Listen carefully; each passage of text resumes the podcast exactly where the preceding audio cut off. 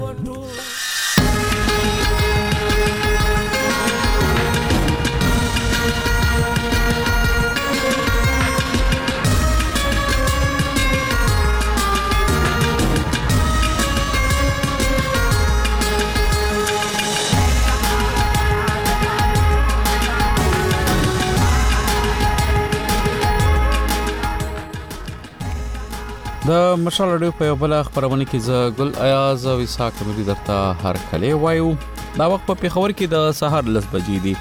په روانه خبرونه کې د قبایلی سیمو او پاکستان او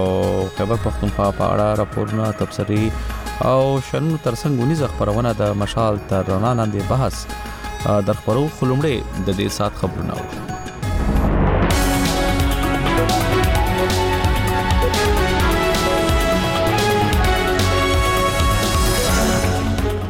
لومړی د خبرونو سرټکی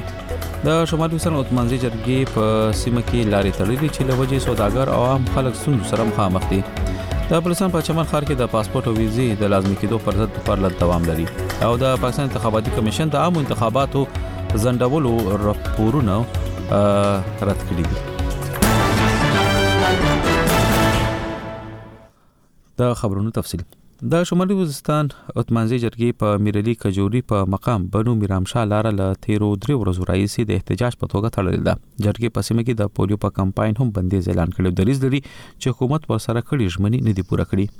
د جرګې یو مشر ملک رب نواز پرون جرګې ته په وینا کې ویل تر هغه به دا لار تړلې وي تر څو یې غوښتنې ونه منل شي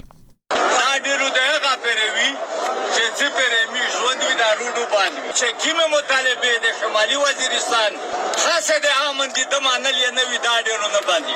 نو ورستړي وي چې د خپل حق یې روکړای نه وي هغه پرو دا ډیره وایي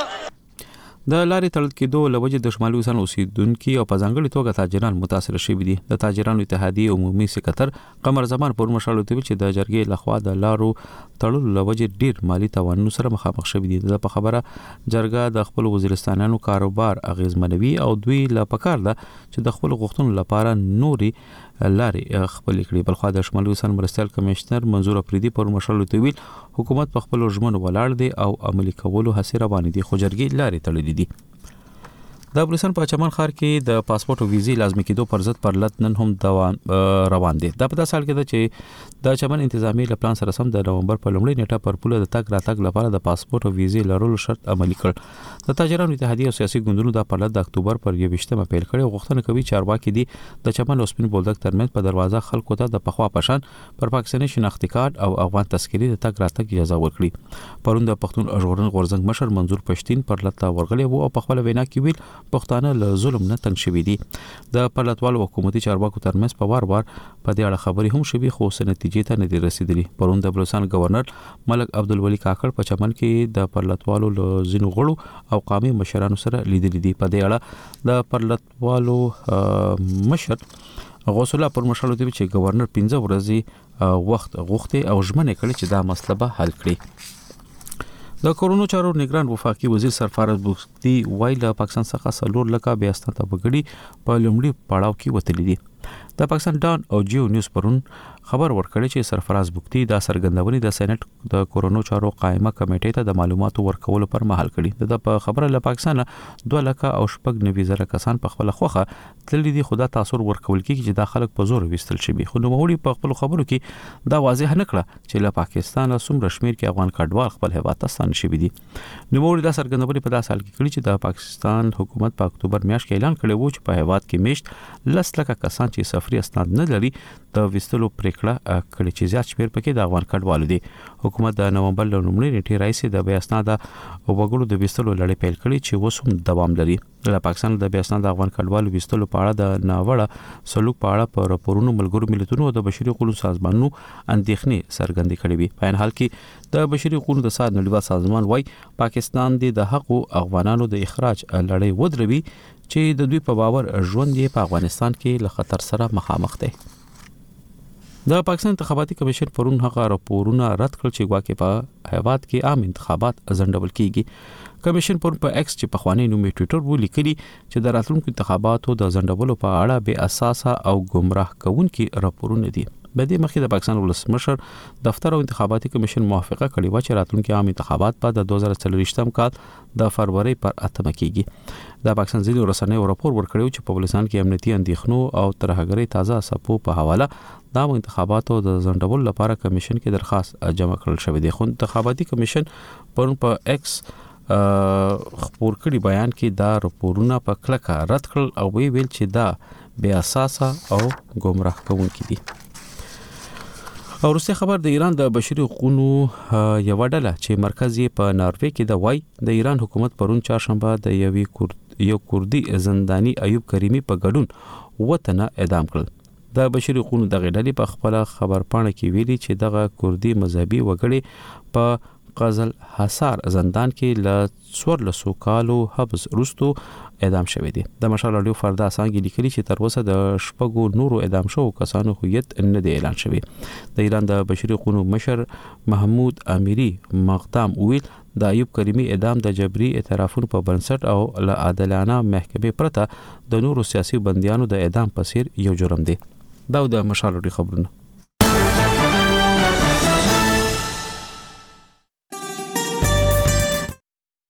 مشال لوی تاسو غوږی خبرونه مو واوریدل او تاسو په دې خبرونه کې په بیلابیل موضوعاتو تاسو لپاره رپورټونه لرو او ځینې داسې رپورټونه هم دي چې د مشال رادیو د سلام پښتونخوا د اوریدونکو په غوښتنه جوړ شوی دي نو تاسو دا رپورټونه وړاندې کوو خو د یوي وړوکی ادمي رستو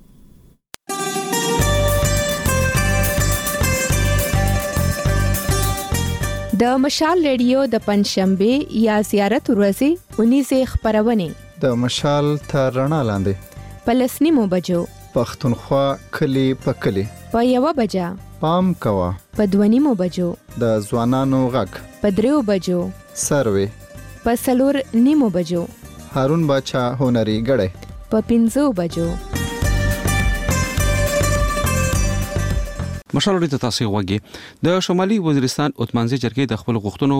لپاره په میرلي کې د تګ راتګ لارې تړلو ته دوام ورکړي دوی مرکزی لار تړلې او په مالونو بار سلګونه گاډي ولاړ دي احتجاج کوونکو له حکومت غوښتنه کوي چې هغه به دا لارې تړلې وي تر څو یې غوښتنې ونه منل شي د اتمانځي جرګه وایي حکومت دوی سره کړي ژمني نه دي پوره کړي ځکه يې دا لاري تړلي دي. د سيمي تاجرانو مشال علي سره په خبرو کي ويلي چي جرګې د خپلو وزيرستانيانو کاروبار تړلی او دوي تري متاثره کيږي. د دوی په خبره په سيمه کي د دوو قبيلو تر منځ په شخړه جرګه خاموشه ده. بلخوا مقامي چارواکي وايي د جرګې غوښتنو پوره کولو لپاره هڅي رواني دي او مشرانو سره يې په دې لړ کي ليده کاته هم کړي دي.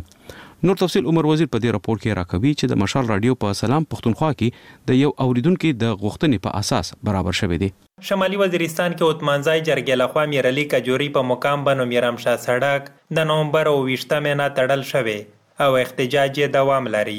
یادې جرګې سیمه کې د پولیو څاڅکو په ورکولو هم بیا بندیز اعلان کړی او وایي چې حکومت ورسره کومې ژمنې کړې هغه یې نه دي پوره کړې نو بیرته یې احتجاج پیل کړی. د سړک بندیز له وجې سلګونه د سامانونو ډک ګاډي پر سړک ولاړ دي. د یادې جرګې یو مشر ملک رب نواز وزیر جرګه ته وینا کې وویل چې تر څو یې غوښتنې پوره نه وي تر هغې به سړکونه بند وي. ډاګ منځای شر وتلی دی د حکومت و روټ ته پنځه میاشتی می وی دغو حکومت اصوله وکه سینه دیم وکړه د دی می سره کیسه و نه منله دا ډیرو د هغه پری وی چه څی پری می ژوند وی دا روډو باندی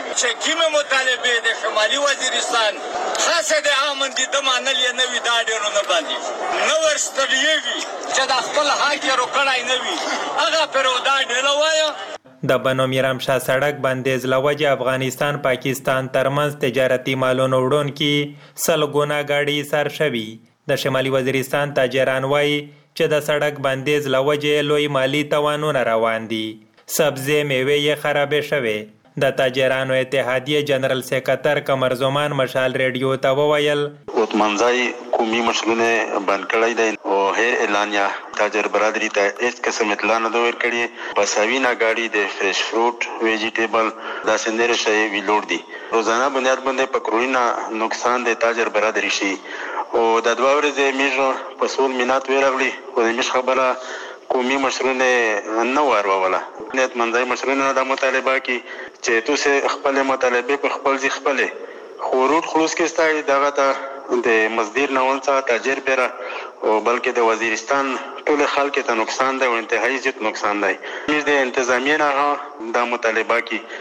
چه دا روټ دی خلوصاولی باندی باس وکو. اتمانزای جرګې مشرانو د نومبر په لومړی نېټه حکومت سره مذاکراتو پس اعلان کړی وو چې څلورو میاشتو نه روانې جرګې مشرانو انتظامیې سره مذاکرات کامیاب شول سیمه کې د امنیت ډاډ سره سره نورې غوښتنې یې ورسره منلې څو مطمئن دي که څه هم د جرګې مشران وايي چې حکومت د دوی سره لیکلی ډرافټ یا ژمنې عملي کړې نه دي، څو بېرته بندیزونه لګوي او احتجاج یې پیل کړ، خو یادې جرګې تر اوسه هم دا نه ده په ډاګه کړې چې حکومت سره په کومو نکتو دوی متفق شوي او مطمئن شوي ول، نه یې هغه ډرافټ یا لیکلې معاهده رسنیو یا ولس ته په ډاګه کړې کومه چې د نومبر په لومړۍ نېټه د حکومت سره مذاکراتو پس اعلان کړې وه. بل طرف د غلطه ميرلي کې د ای پي مدي خېلو قبيلو تر منځ د ځمکې پر سر شخړه بېرته شروع شوې، يو بل ضد مورچو ته ختل يو ډزې کوي،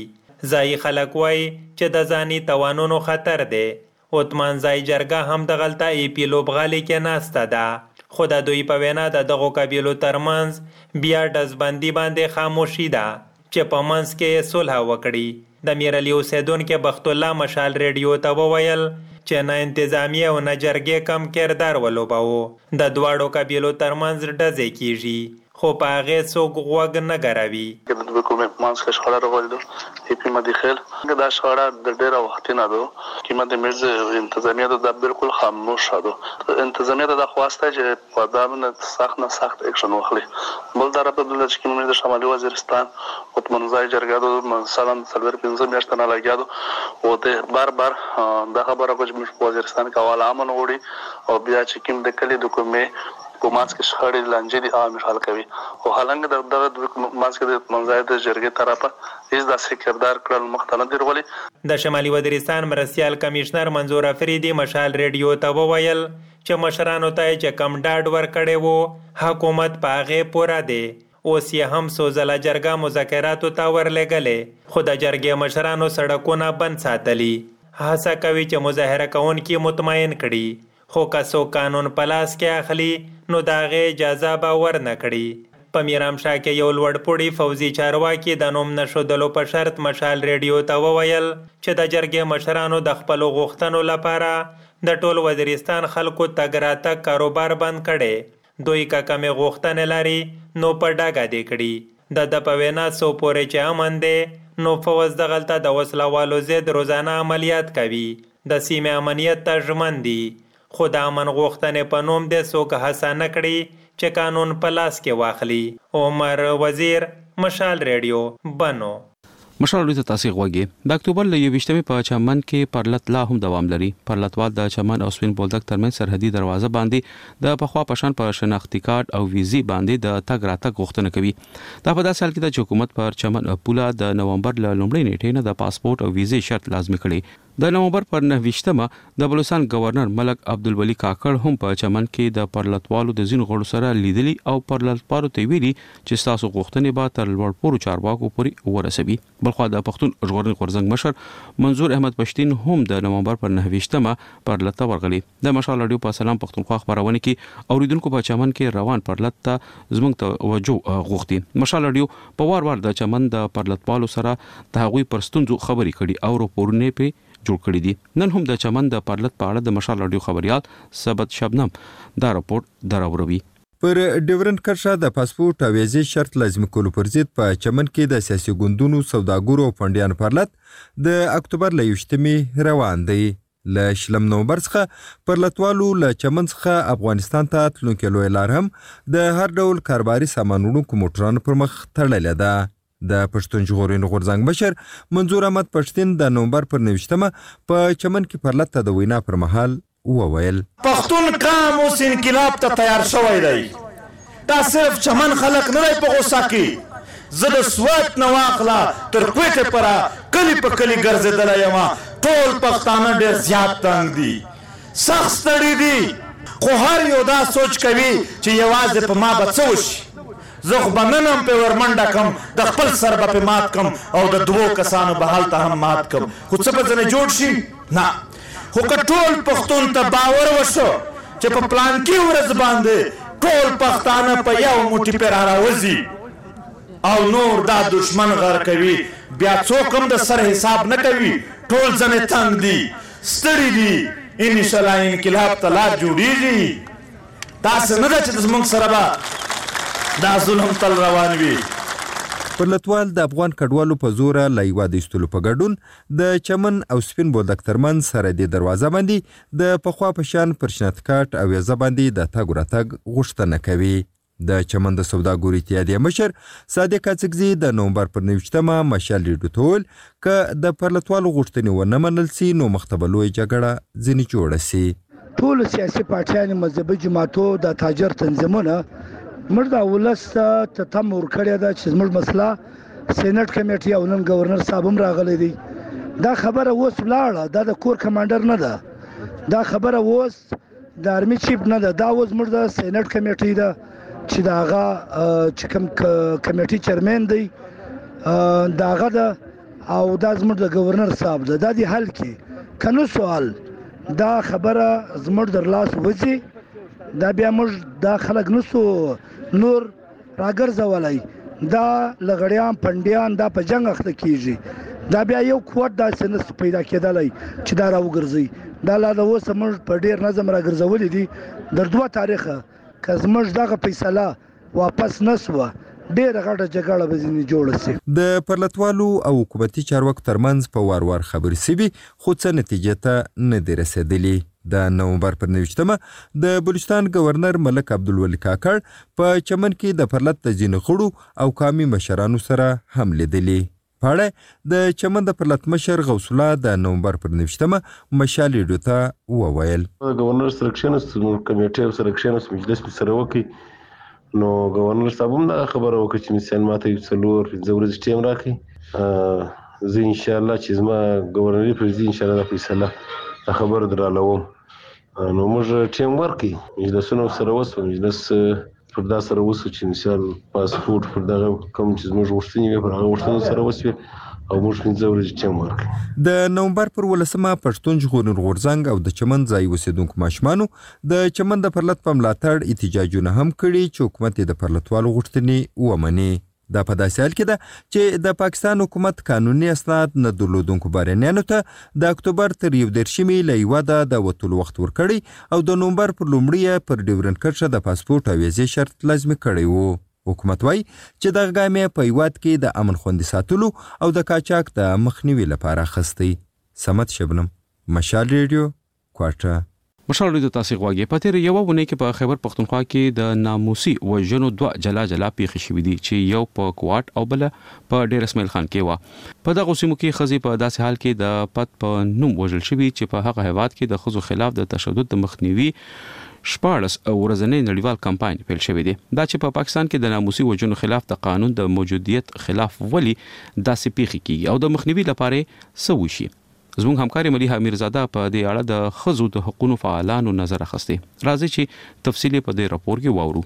د خېبر پښتونخوا په کوهستان کې د نومبر په څلېرویشت مه یوه جینۍ وروسته له هغې د ناموسي وژنې ښکار شوه چې تصویر یې په سوشل میډیا خپور شو. په فېسبوک په خپور شوي تصویر کې هغه نجلۍ د یوې بلې جینۍ او دوو هلکانو سره ښودل شوې وه. په ورته وخت کې په ډېره اسماعیل خان کې یو کس د ناموس په نوم خپله مېرمن ووژله چې تر هغې وروسته د هغې ښځې ورور د هغې ماشومه لور خواښې او سخر ووژل. دا پېښې په یوه اونۍ کې دننه په داسې مهال شوې دي چې د نومبر په پنځه ویشت مه د پاکستان په ګډون په نړۍ کې د ښځو خلاف د تشدد د مخنیوي شپاړس ورځنی کمپېن پیل شوی چې د ډسمبر تر لسمې به دوام ولري. په خیبر پښتونخوا کې د ښځو د حقونو لپاره کارکوونکي وايي، دا لومړی ځل نه دی چې ښځې د ناموسي وژنو ښکار کېږي. په سوات کې د ښځو حقونو لپاره تنظیم دي اویکننګ مشر عرفان حسین بابک د نومبر په نهه ویشت مه مشال ریډیو ته وویل چې په روان کال کې په خیبر پښتونخوا او په ځانګړي توګه په قبایلي ضلعو کې د ښځو پر ضد د تشدد زیاتې پېښې ثبت شوي دي. نوموړي په سوات کې د غیرت په نوم د ښځو د وژنو شمېرې مشال ریډیو سره شریکې کړې او ویې ویل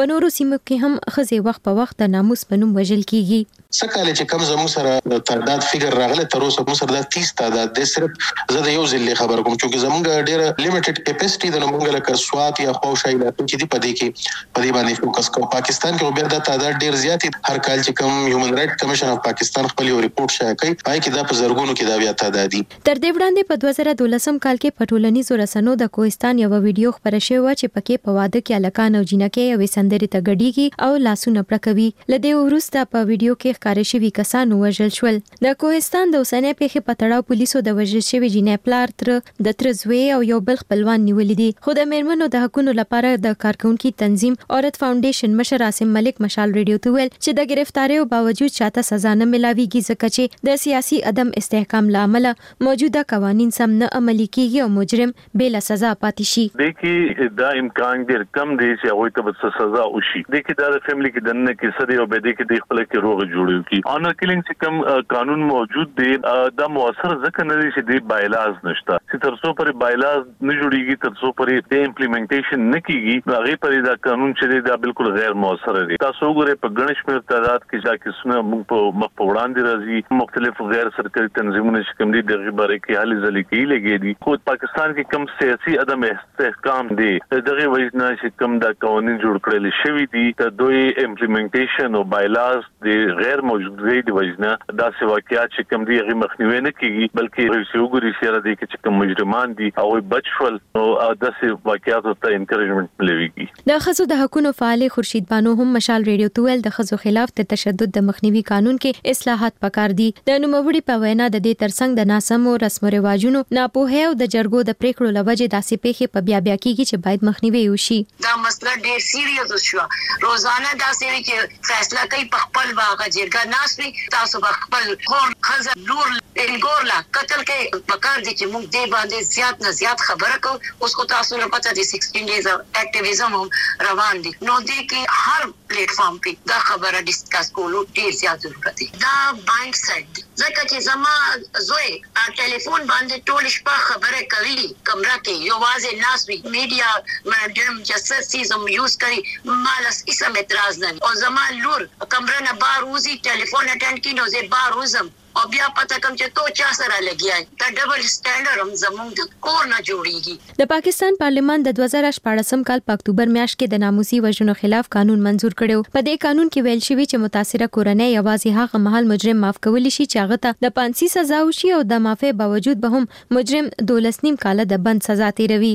د پېښور های کورټ وکیلې کاینات کاکا خېل مشال رېډیو ته وویل، د ناموسي وژنو د مخنیوي قانون شته، خو که د کېس سم تفتیش وشي او د سوشل میډیا کمپنو دفترې دلته خلاصې شي، نو د داسې پېښو مخنیوی به وشي. هغې وویل، په موجوده نظام کې د نیمګړتیاو له امله په کیسونو کې انصاف نه ملاویږي. ټولو نه مخکې خو هغه څوک رپورټ کوي نو هغې له د نیچرل ډیت مخ ور ګړی کړی شي او بله مونږ سره کوم قانون دی هغه ډیر سخت دی مونږ سره یو اونر کیلینګ ایکټ راغلی او ان کیس که دې کیس کې دوی ته د ریلیکسیشن ملو شو نو بیا زمونږ سټیټ سره دا اختیار شته دی چې د اپیل سټیج کې مخکې لاړ شي خو دې کې ټولو نه غټې مسلې کله دا خلک ایف آی آر وکړي نو هغې کې هم ډیرې کمزورې وي. د غیرت په نوم باندې جنکې مړې کړې شي نو د دوی کوشش هم دی چې دې له د مرډر شیپ ورکړي ځکه دا کله د غیرت په نوم مرګ د یو مرډر کې تبدیل شي نو بیا دې کې راځینامه کې دي شو راځینامه کې دي بیا بهر راوځي نو دا ټول نه غټ یو فلو دی او بل د دې چې نه مرګ چې کوم شوی دی نو هغه د دې ویډیو وایرل شوی دا دا یو خامي ده چې زموږ په ملک کې د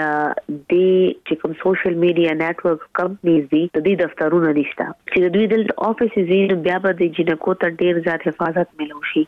د ښځو د حقونو دغو فعالانو مشال رېډیو ته وویل، د ریاست ترڅنګ د ولس هم ذمه واري جوړېږي چې د داسې پېښو په مخنیوي کې رول ولوبوي. د خیبر پښتونخوا د ښځو د کمېشن پخوانۍ مشرې ډاکټر رفعت سردار مشال رېډیو ته وویل، پکار ده ریاست د قانون د عملي کولو لپاره ګامونه پورته کړي. د دوی لا قانون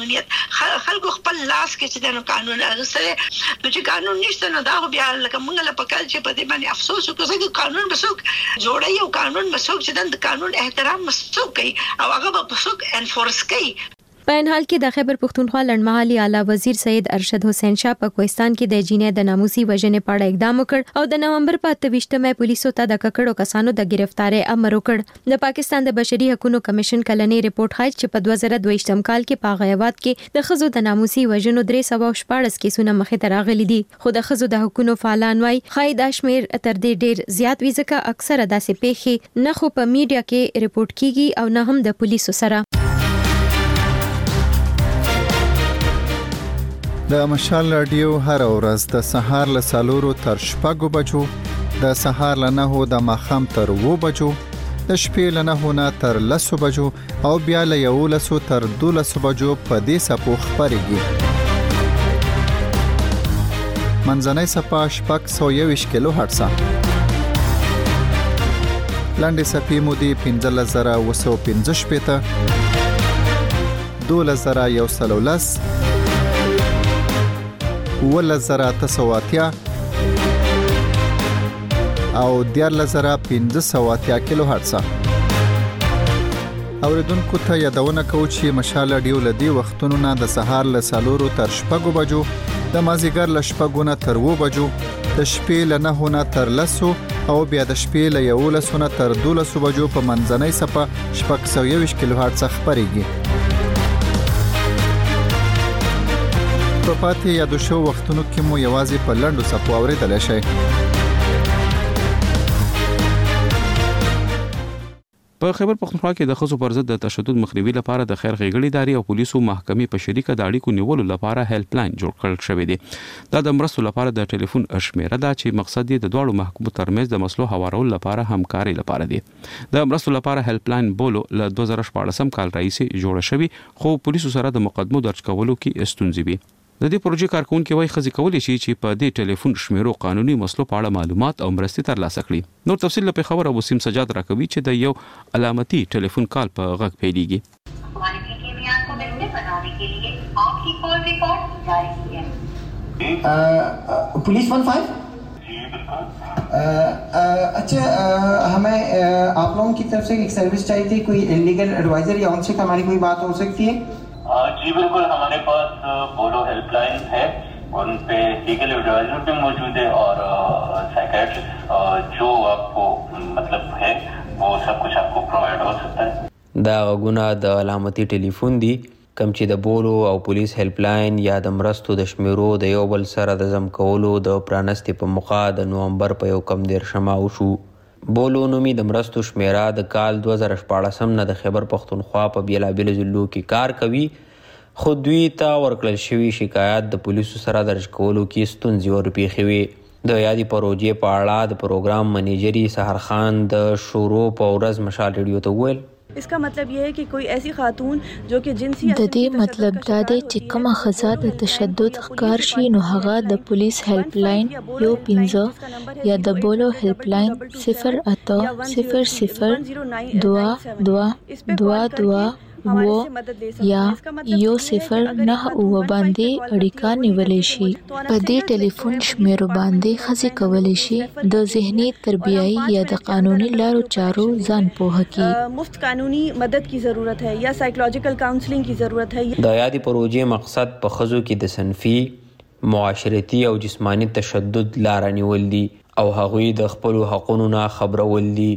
د پروژې ضرورت د پولیسو او سوشل ویلفیر یا ټولنیز خیر ښېګړي د محکمې له خوا پس د هغې محسوس شو کله چې دوی ته د بیلابیلو ستونزو په خصوصي توګه د ښځو پر ضد د تشدد د مسلو په هوارولو کې ور پېښې وې. د خیبر پښتونخوا د پولیسو له خوا په بیلابیلو ضلعو کې د ښځو د ستونزو د هوارولو لپاره په تاڼو کې خصوصي ځایونه هم مختص کړل شوي دي، خو د پولیسو په خبره دغه د ښځو د مسلو د هوارولو لپاره پوره نه دي. د خیبر پښتونخوا د پولیسو د محکمې د جنس لپاره مرستیالې انسپکټر جنرلې انیلا ناز د اقدام په اړه مشال ریډیو ته وویل، زموږ خو دغه چې ټول کې پی کې زموږ غشته زموږ جنډر ډیکس 11 یو ولس جنډر ډیکس دی هغه ټول کې پی کې دي او دینا 76 چې دی هغه وومن ډیکس زموږ کارونه کوي لګیا دي نو زموږ هغه چې دی هغه ټول فیسیلیټیشن وومن ته ور کوي هغه ټول کې پی کې دي د بولو هیلپ لاین په حال یو بخور کې او کورم کې کوي لګیا دي خو اوس موږ مزید دي سره واغ کو چې زموږ ټول کې پی کې چرته هم جندر بیس وایلنس کیږي چې هغه کې موږ هغه دې هیلپ کو د سوشل ویلفیر د محکمې د شمیرو تر مخه د بولو پلیټ فارم لخوا په تیرو اته کالو کې د 15 زره نه زیات کیسونه اوریدل شوي او د حل کولو هڅه یې شوې ده وسیم سجاد مشال ریډیو پیښور. تبصرې، شننې، خبرونه، رپوټونه. عکسونه، ویډیوګانې او د مشال اونیزې خپرونې. زموږ په ویب پاڼه، مشال ریډیو ډاټ کام، کې. لوستلې، اوریدلې او لیدلې شئ. مشرالو ته تاسو غوږی د روانې غړې نوې برخه ته راورسې تاسو یو درې خبرونو مهم برخه ویم د شمالي سان او د منځي جرګې په میرعلي کجوري په مقام بنو میرام شاه لار له تیر درې ورځې راځي د احتجاج په توګه تړل ده جرګې په سیمه کې د پولیو په کمپاین هم بندیز اعلان کړي او دریز لري چې حکومت ورسره کړي ژمنې نه دي پوره کړي د لارې تړل کېدو د وجې د شمال وسن اوسیدونکو په ځانګړي توګه تاجران متاثر شوي تاجرانو اتحادیه یو غړي پرون مشالو ته ویل چې د جرګې له خوا د لارو تړلو لوجې ډیر مالی تاوانونو سره مخامخ شوې دي د په خبره جرګه د خپل وزیرستانانو کاروبار اغیزمنوي او دوی له پکار ده چې د خپل غوښتنو لپاره نورې لارې خپلې کړي بلخو د شمالي وزیرستان مرستيال کمشنر منظور اپریدي پرون مشالو ته ویل چې حکومت په خپل ژمنو ولاړ دی او د عملی کولو لپاره هڅې روانې دي د بلوچستان په چمن ښار کې د پاسپورت او ویزې لازمي کېدو پر ضد پرلت نن هم روان دي دا په داسې حال کې ده چې د چمن انتظامی له پلان سره سم د نومبر په لومړۍ نیټه پر پوله د تګ راتګ لپاره د پاسپورت او ویزې لرلو شرط عملی کړل بلخوا د پرلتوالو حکومتي چارواکو ترمنځ په وار وار په دې اړه خبري هم شوې دي خو سنتیجې ته نه دي رسیدلې پرون د بلوچستان گورنر ملک عبدالولي کاکړ په چمن کې د پرلتوالو د ځینې غړو او قومي مشرانو سره لیدلې هم دي په دې اړه د پرلت پالو د پرلت یو مشر غوث الله پر مشر دی چې گورنر 15 ورځې وخت غوښتي او ژمنه کړې ده چې دا مسله به حل کړي او د پاکستان انتخاباتي کمیشن پرون هغه راپورونه رد کړ چې ګواکې په هواد کې عام انتخابات ځنډول کی کمیشن پرون په ایکس چې په خوانې نومي ټوئیټر ولیکلی چې د راتلونکو عام انتخاباتو د ځنډولو په اړه به اساسه او ګمراه کوونکي راپورونه دي دا په داسې حال کې چې پاکستان د ولسمشر دفتر او انتخاباتي کمیشن موافقه کړې چې راتلونکي عام انتخابات په 2024 کال د فروری په 8 نیټه کیږي او اوس لړمن سره سم درته د مشال تر رڼا لاندې بحث وړاندې کوي چې پکې په جنوبي او شمالي وزیرستانونو کې د وسلوالو ډلو د شتون بلابل وجوهات باندې بحث شوه دي د بحث کوربه عبد الحی کاکړ دی د مشال تر رڼا لاندې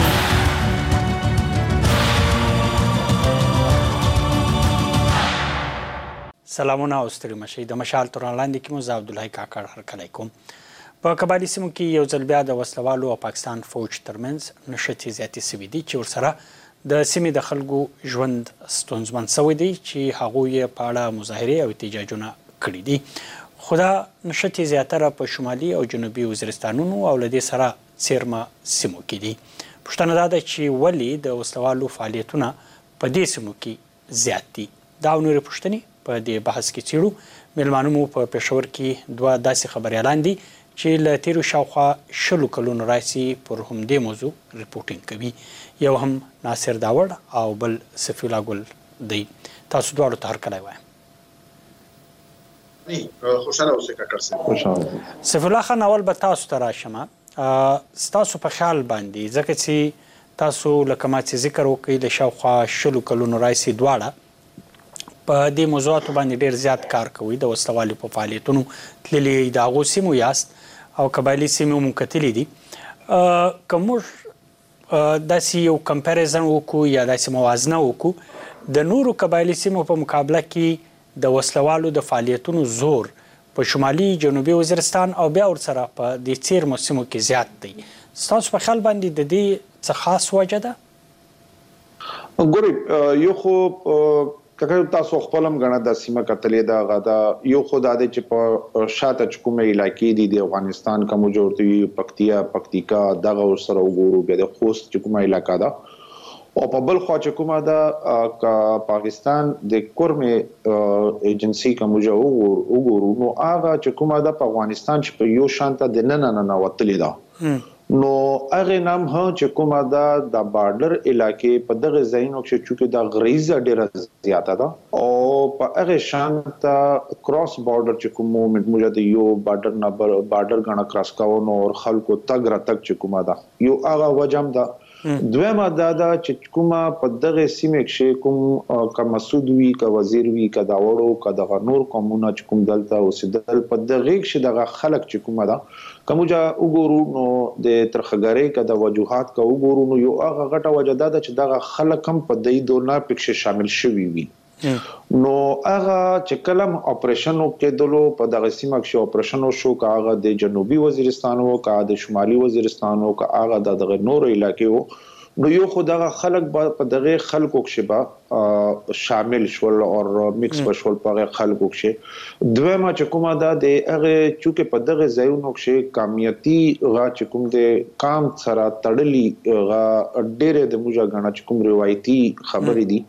نو د هغه دواجم ګڼه تاسې وي چې يو بل هغه وياي نه چې تر بروالي دواجم ګڼه دا غږ نه شي کولاي چې ګڼه که چا ته يا د ادارو ته يا د غا ته عسکري ادارو ته يا د نورو ايجنسيانو سره د هغه معلومات هم ګڼه په هغه شان ته نه شير کوي لکه چې په کوم شان ته د نورو علاقو کښې يا په ملک کښې د نورو غا نو دغه څو هغه وجوهات دي چې کوم خو يو خو ته موږ د پښتانو خپل چې کوم هغه ده درېم غا چې کومه دا ادا دی چې په دغه علاقو کښې د يو علاقې نه بل علاقې ته تګ هم په نورو په نسبت باندې اسانه ده لارې ګودرې چې کومې دي دغه لږ مختلف دي د نورو که موږ قبايلي سيمې که وګورو که د باجوړ د مخې ته يا د مومندو ته که وګورو نو دغه ځایونو د لارې ګودرې اور بیا د کورمې ته ننوتلم په دغه طرف نه او بیا په سټل ایریا ته ګڼه چې د نور ښارونه چې کوم دي ګڼه د ملک نور نو دغه ګرځیدل هم ګڼه اسان دي نو دا هغه څو وجوهات دي. ښه مننه صفي الله ګل. ناصر داوړ صاحب ستاسو په خیال باندې ستاسو په ذهن کې هم دغه وجې دي یا که تاسو وایاست چې له دې علاوه نورې وجې هم دي چې دلته شدت یا زور یا طاقت یا قوت یا بیا د دې په خلاف چې کومې اپرېشنې کېږي دا دلته په جنوبي شمالي وزیرستان کې د نورو قبایلي سیمو په مقابله کې زیات ولې دي؟ مننه بالکل کاکړ صاحب یو خو جغرافیا چې کومه سفیر ابو صاحب بیان کړل د افغانستان سره بیا په افغانستان کې درنه دا یقینا کته وګوره میپ کې نو په دې وجه نه هم زموږ دا ټیرین چې کوم دا ډیر خطرناک غونډه دی او ډیر مشکل دی د سکیورټي فورسز لپاره د سکیورټي فورسز ادارو لپاره چې دلته عملیات وکړي دا خلک چې کم دي د کم تراګر ډلې دي نو د خلک ځای خلک دي د دې سره بلد دي او چې کم سکیورټي اهلکاران یې هغه لپاره مشکلات هم وي خو په ټول نه غټه خبره به زدا وکم چې سو پورې میلیټنټس کې ختمول وي نو میلیټنټ ته پکار ده چې زموږ سکیورټي ادارې هم د خپل چې کم عوام دي هغه په اعتماد کې واخلي چې کله عوام په اعتماد کې واخلي بیا ما په خیال نه د دوی اپریشن د دې خلاف په ضد کاروانه د به هم اسانه شي اوس پورې دا وایم چې موږ د خلکو هغه ذهنیت چې کوم دی پاره باندې لګ لکار کول پاتې دي مننه ناصر داور صاحب سره اعظم تاسو ته سفلا ګل تاسو په خیال باندې لکه د دې خو د چې دلته شدت یا زور ولې زیات دی خو اسی که وکتل سی په شمالي او جنوبي وزیرستان کي د وسله والو ډلو هغه بنیاد یا جوړښت چي دئ هغه له دې ځایه ځخه راشرو سوی دئ، دا نور خو بیا وروسته جوړېدل، جوړېدل، جوړېدل او بیا اوسه راغئ.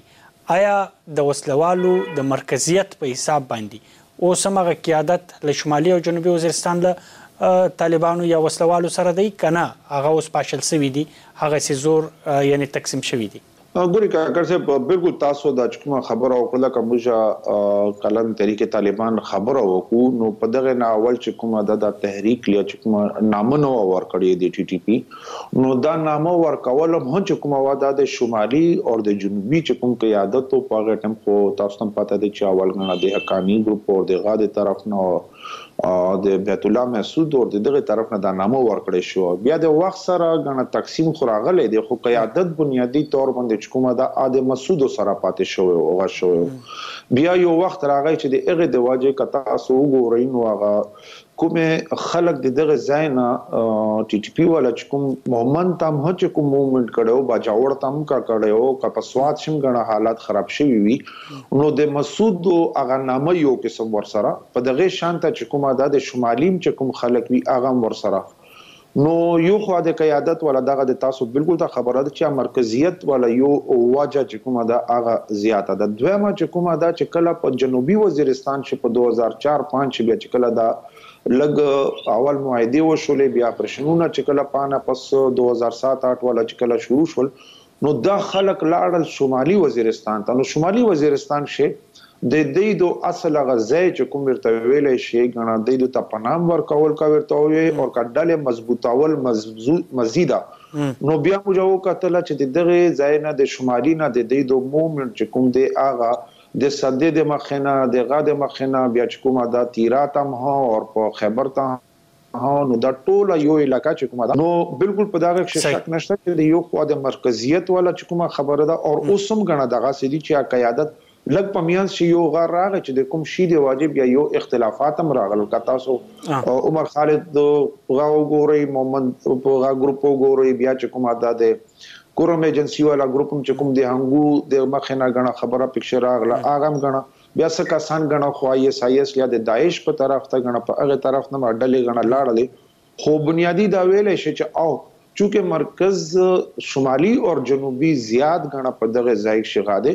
اور ریزیسټنس هم د دغه ځای نه زیات را روان دی. صفی الله ګل بیا هم تاسو ته راځم ناصر داوړ صیب صفی الله ګل خو ددې یو عمومی نقشه راکه خو یوه خبره چه ډیره مهمه وشوه. هغه دا چی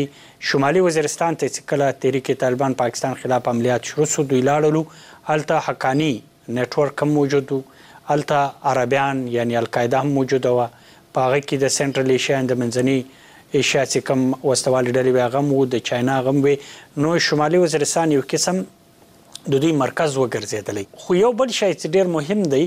هغه دا چې هلته د حافظ ګلبهادر په نامه باندې یو ډله ده او دا ډله داسې ده چې په ظاهره خو داسې ستاسو په خیال باندې کېدای شي مو معلومات کم وي، په ظاهره دا د دې ټولو نېټورکونګو حصه نه ده، ځان ته یو بېل دغه کوي او هلته د دوی دغه حملې او دا شدت ډېر دی. که لږ د دې ډلې په اړه باندې راته ووایاست چې دا څومرې د دې مین سټریم وسله والو ډلو برخه ده، که ځان ته جلا اوپريټ کوي او فعاليتونه کوي. کاکړ صاحب بنيادي که موږ وګورو دا د ټي ټي پي سره دا د دوی يو ډېر معمولي په يو حدود يا يو لاين يې راښکلي دی هغې سره هم تعلق ساتي د حقانيانو سره هم تعلق ساتي ټولو خلکو سره تعلق ساتي خو ستا خبره ډېره ټيک ده ستا انفارميشن چې بیا دا عملیات ځان ته کوي مونږ نن کا وګورو چې اپریشن ضرب عزب کله شروع کېدو نو د حافظ ګل بادر چې کومه ډله ده هغه ټول تقریبا تقریبا لړل افغانستان ته په خوست کې هم پاتې شول په پکتیا کې هم پاتې شول پکتیکا کې هم پاتې شول اوس هم په پکتیکا کې په لمنه کې په دې علاقو کې د دوی استوګ نه ځای نشته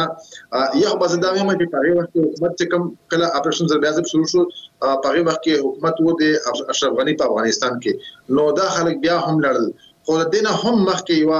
حیرانکونه خبره ده چې کله راه نجات اپریشن وو په جنوبي وزیرستان کې شو په مسعود په وزیرو ایریو کې شو نو بیا هم چې کوم د پاک افغان بارډر باندې د افغان نېشنل آرمي یا د نیټو آرمي کم چک پوسټونه هغه ختم شول دا خلک په آرام سره افغانستان ته اوړېدل او هغه ته دوی خپل کمپونه جوړ کړل او دوی بیا ټچ نکړل شول لکه څنګه چې په هغه وخت کې وو د سنن هم دا چې اپریشن ضرب عزب دوران کې دا خلک د حق د ګلبادر چې کومه ډله لړل دا په دې کې تقریبا تقریبا ځای خلک دي د دې سره غیر ملکیان د ډیر نه په خیال کې په نشت برابر دي کته د کم نمونه تا واخستل د سنټرل ایشیا والا یا د چاینیز والا یا نور القاعده یا نور پنجابي طالبان دا به ټي ټي پی سره وی خو د دوی سره څوک نشته دا به یعنی دا دوی سره سوال دا دی زبیا صفی الله ګل تزما چې ده ولې ځان له دوی ځخه بېل ساتلی دی. دا ګوره که ته وګورې ګل بدر چې څومره کارونه کوي حافظ ګل بادر ځان ته بېخي يو تشخص ساتلی دی نه داسې په ميډيا باندې راځي نه داسې په اخبارونو کې راځي د ده نه تصوير شته نه يې ويډيو شته نه د ده ملګري په ويډيو يا په فيسبوک باندې يا په بله سوشل ميډيا باندې يا په انټرويوګانو کې د ګلبدر څوک داسې نشته حالانکه ګلبدر ځنې خلک داسې هم وي چې آیا دا وجود شته کنه او دا سوال هم راځي او خو ګلبدر یو وجود هم شته خاندان هم شته قبیله هم شته ورونه او پلارنې هم تملم دي او ایون لکه زبر درته ویما چې ګلبدر هم په خپل کتل دي چې کله د مدرسې کې بازده کړې کولې د 2000 نمخ کې چې کومه په میرلی کې به وو دی په جلسه کې به هم مو د جی یو آی سره د تعلق مو جی ټی آی کې د خ سیاسي ناسته پاسته وا خ سیاسي یو تعلق لرلو خو د اوس پورې په میډیا باندې نه راغلی یعنی دا دا د د د په میډیا باندې نه راځي یا دغه بیل ساتي ځکه چې که تاسو یاد دي تحریک طالبان پاکستان اوسم ویډیوګانې جاری کوي هغه وخت به هم جاری کول خبريالان به مرغښتو چې دوی ته نور په ميډيا کې دغه ملاو سي اوس هم ټي ټي پي چې دا وخت نا وخت ويډيو جاري کی په سوشل ميډيا باندې موجوده په وټسپو خلکو ته کوي دا د حافظ ګل بادر په دې ماډرن ټيکنالوجي يا پروپيګنډه وار باندې پوه شنه کنه دا د ده سټرټيجي دا چې دی عمليات کوي خو ځان پټ وساتي يا څوک ککړ صاحب دی هم پوهيږي او د ده ملګري هم پوهېږي خو د دې ستراتیژي د یو حکمت عملی ده چې موږ په تصویر کې یا په ویډیو کې یا په میډیا باندې یا په سوشل میډیا باندې په واتس اپ یا د صحافیانو سره د دې ډلو سره د هیڅ قسمه تعلق نه ساتي او دا وجه ده چې اوس پورې کته سوچو کې په ټي ټي د دې تعداد به هم دومره نیوي لکه څنګه څومره چې ټي ټي پی دي خو د بیا هم ځان سیف ستلې دي خپل ځان سیف کړي دي ملګری سیف کړي دي چې کم ډیر کم کسان به وي خو ډیر کمیټډ دي او ډیر سیف دي چې هغه د د چې کوم د شورې کسان دي هغه هم اوس په نمونه خمن ته معلوم دي بهرحال مخامخ نه دی راغلی کله حالانکه موږ کوشش کړی دی بار بار چې د دې خلکو سره موږ کینو د سره خبرې وکړو د دې پورا د موږ ځان په کوله څنګه چې ټي ټي پی سره موږ ناشته پاسې شوې دي څنګه چې نور د چې کوم تر د چې کوم عسکري تنظیمونه دي هغه سره موږ شوې دي ناشته پاسته خو د ګل بادر کسان چې کوم دي هغه هم نه موږ سره د پر ناشته تیار دي چې موږ باندې باید چې د ډېر اعتماد هم شي چې موږ خبر نه زور خو هغه ته لوکل خلک سره هم دی د ډېر ناشته پاسته نشته دی ګل بادر د ډلې چې کوم قیادت یې هغه هم نه کې صفی الله ګل ته به ورسم ټي ټي پي لاړله تحریک طالبان پاکستان تر عملیات وروسته بیرته راغله آیا اوس هم په جنوبي وزیرستان کې ټي ټي پي په یو شکل نه شکل کې موجودګي یا شتون یا یو ځای یو ټیکانه یو ځای لري کنه؟ بلکل دغسې ده چې یو خو لکه ما تاسو ته د هغه خبره وکړله چې يو خو اول دا و چې افغانستان ته چې کوم ګڼه دغه غره ييزې علاقې دې واجې لکه ناصر هم خبره وکړله که ګل بادر والا و که د مسعود مسعودو علاقې نه و که دغه نور وي دا يو خو ځنې خو د خلکو په ميانځ شي چې کله ګڼه دا خلک د عسکري عمليات نه پس چې کومه ده دغه خلک چې کله غلاندو علاقو ته ګڼه ښارونه ته لاړل په هغې کښې يو خو پکښې شامل شول او ځنې چې کوم دي افغانستان ته لاړل نو بیا چې واپسي کله دغه وشوه که تاسو وګورئ نو دغه تېر حکومت چې کوم په پاکستان کښې پاتې شوی وو د عمران خان په هغې وختونو کښې د خبرو اترو اور د امن خبرې اور د غا والا دی دو ورسره روانې وې نو په هغې کښې لږ غونتې هغه ویلې شې چې دی دو ته دغه لږ غونتې سهولت ورکړی شوی وو لیا هغه د هغې سره دمره سختي يې نه کوله چې دغه خلک ته به ورته ويل چې موږ خپل کورونه ته ځو خلکو سره ملاويږو لياغا کو نو وسله نشته راسره خو وسله چونکه په دغه طرف ته هم ښه ګڼه پراته وال يا دې دو خخه کړي وال يا په مختلف ځايونو باندې وور سره نو هغه خلک هم په غ ډېر په غټه پيمانه باندې راغلي دي ګڼه هغه واپس دې افغانستان نه هم ډېر خلک راغلي خو اوس هم ځای په ځای باندې دا دې چې که بارډر باندې دې افغانستان او دې پاکستان په مينځ بارډر باندې که خاردار تارونه لګیدلی دی یا بورډر منیجمنټ هم دی خو بیا هم غنه په هغه کښې وقتن فوقتن موږ دغه تاسې ویډیوز هم ولیدلې چې هغه راغلې چې هغه تارونه هم کټ کړي شوي دي په هغه کښې لارې هم جوړې شوي دي غا شوي دي نو دا هم یو وجه چې کومه دا ورته ویلی شي چې که د حافظ ګل بهادر والا خلک اخوا وي په دغه شانته د ټي ټي پي والا هم خلک چې کومه دا دغه هم غنا د افغانستان او پاکستان کښې تګ راتګ غناوه مننه صفی الله ګل صاحب زه بیا هم تاسو ته راځم ناصر داوړ صاحب بل سوال دا دی او سوال هم دا دی او دا غټ سوال دی تاسو د پاره بم وی د خلکو د پر تاسو د پاره به کېدای تاسو ور به جواب وی او ډیرو خلکو د پاره دا دی چې ضرب عذاب اپریشن کېږي په 2014 کې شاوخوا او هم جو 2014 کې دی او بیا له دې ځای څخه تر یو میلیون زیات کسان ځي. بیا چې کله عملیات کېږي نو د شمیرانشاه او د میرعلي بازارونه لوټي لوټي شي، یعنې دومره زیات سخت اپریشن وي. ځي او بیا چې بېرته خلک راځي نو د خلکو ته وایي چې تاسو به وسله نه راړئ، خلکو وسله نه سوه راړی. په داسې حالاتو کې حافظ ګلبادر ځي، حافظ ګلبادر بیا راځي، او دا وسله چی خلک تللی وو او نه یې وړې دا خلکو ذهن کې سوال پیدا کوي چی دا یو رشتینی عمل دی هغه دومرې تکړه دي دا وسله وال که نه هغه د ګوډ او بډ طالبان د ښه او بدو طالبانو هغه تصور اوس هم موجود ده. کاکړ صاحب بیخي دې ښکلې خبره وکړه اوسه پورې زمونږ چې کوم خلک دي د وزیرستان زه چې څومره شمالي وزیرستان سره ما تعلق دی بیتلې ما چې کله اپریشن زر بیا عزب وشو واپسې لګیا شول نو تر دوه کاله پورې په ټول شمالي وزیرستان کې یو کرایم کیس نه وشوی یو شوکه نه وشوی یو ټارګټ کیلینګ نه وشوی اوس هغه خلک دي هغه علاقه ده خو دا ټول خلک بیا پراغلو او بیا ټارګټ کیلینګ هم شروع شو بیا بدامنۍ هم شروع شوې سکیورټي فورس چې څومره د حکومتي تاسیسات دي هغه ټول غیر محفوظ شروع شو چونکه د اپریشن په شمالي وزیرستان په درې تحصیلونو کې شوې دي په میرلی کې او په میرانشاه او د تخیل کې بکی ریا چې کومه ده هغه لکه ته سپیمام تحصیل دی شوی تحصیل دی د رزمک سب ډیویژن دی مکمل دلته اپریشن نه دي شوی نو دا خلک دلته هم دوی ته سم سره نه او زیاتره دوی قیادت چې کوم هغه پکتیکا ته وړدلی وو الته شوی وو که موږ دا فینسینګ خبره وکړو که موږ یې بار لګیدل دي نو بار خو په هغه ورځ باندې زه نه منم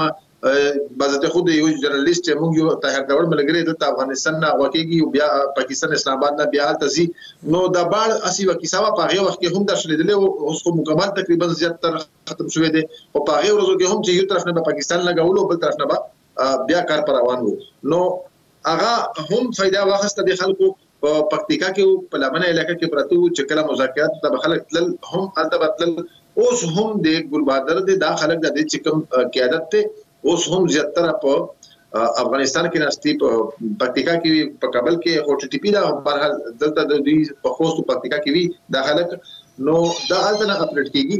نو از ا هول موږ دا ویل شو چې د خلکو ته نقصان نه دی ملاو شوی مسیوای د میرلی د میرشاه بازارونو نه هغه خوران شول خو د خلکو ته د اسلاواله ډلې ته دومره نقصان نه دی ملاو شوی لکه څنګه چې پاکستانی فوجان دوا کوي یا پاکستانی حکومت یا چارواکي دوا کوي چې موږ دومره دومره د شتګر تر اگر مړ کړل بهر حال هغه خو دا ثبوت دی چې که مړ شوي وه خو د دې بدبنۍ نه به خلاص شوي وو. ښه ناصر داوړ صاحب زه بیا هم تاسو ته راځم. صفي الله ګل موږ خبره د شمالي او جنوبي وزیرستان باندې ډېره متوجه شوي یو، توجه هم زیاته په هغه ده دا خبرې چې موږ تر اوسه کړې دي.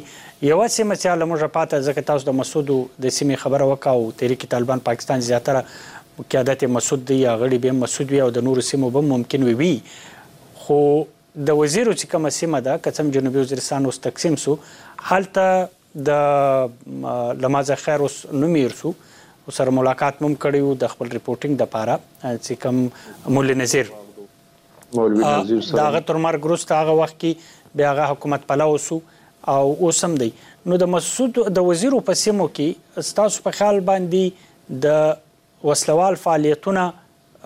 مقابلتاً کم دي که څنګه؟ هلته څه تصویر دی؟ هلته ګورئ، یو خو دا دی که که تاسو خپل هم ګڼه خو لکه تاسو ذکر هم وکړلو او ملاقات هم تللي وئ مولوي نظیر سره چې تاسو ملاقات هم شو خو بیا خو هغه هم ګڼه ژوبل شو او هغه شو نو هغه تاسو هلته چې کومه خپله به کتلي وي غوي دې مسودو اور دې وزیرو دې چې کوم دې طالبانو والا سټرکچر دې الګ مونته مختلف دې بدل دې هغه وجه دا که تاسو ته یاد وي نو چې کله د په وزیرو په خپل علاقې کې چې کله یو خو د ملټري آرمي سره کومک وکړو بیا خلک راپورته شول په دا چې الته چې کوم ازبک وی هغه اول وزیرو سره اول خو یې پناه ورکړې وو بیا په آنه پسې چې کومه ده وزیرو خلکو ټارګټ کیلینګ اور په هغه نه علاوه یې چې کومه ده د هغه نه بتې اور د غاوله چې کله ډیره زیاته شوله نو دا خلک راپورته شول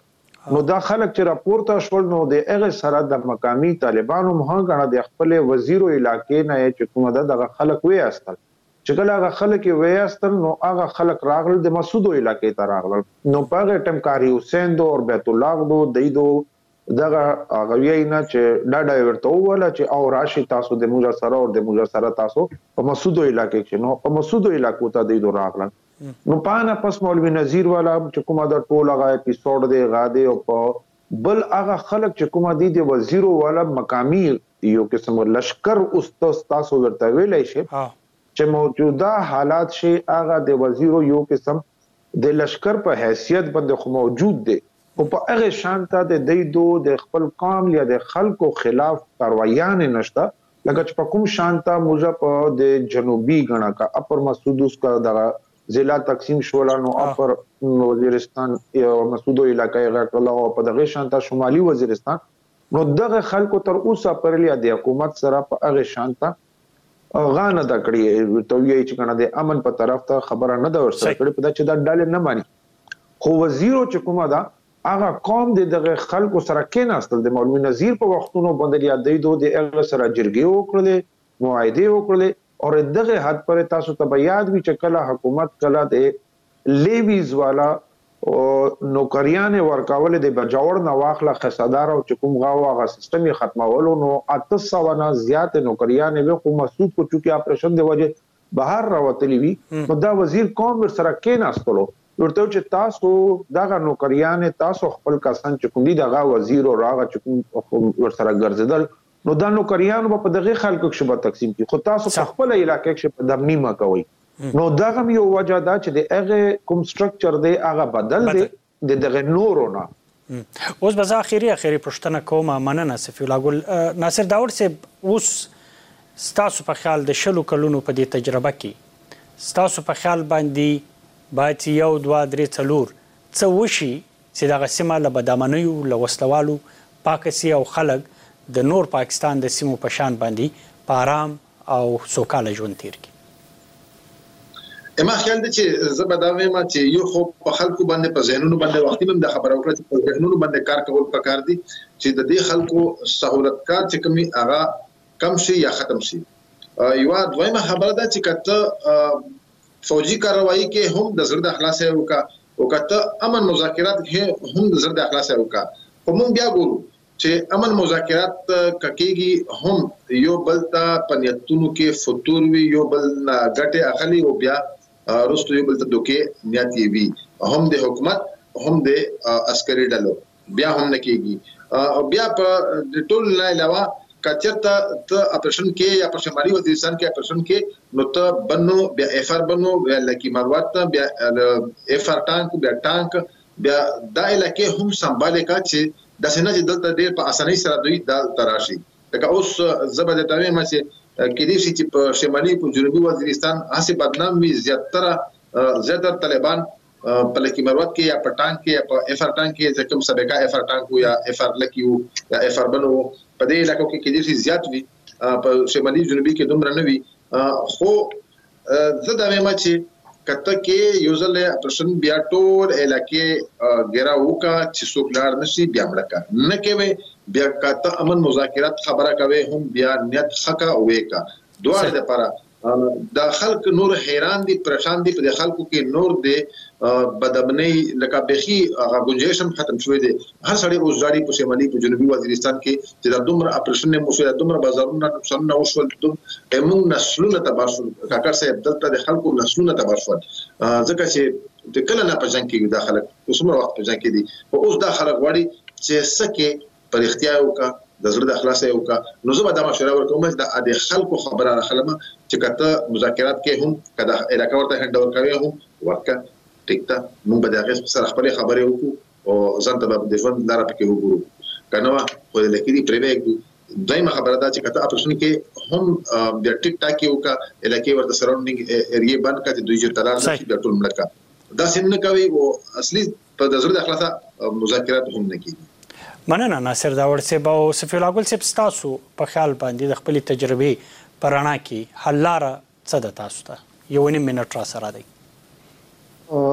ټاکر صاحب لار خو هغه لکه ناصر کډیر دوه ټوک خبره وی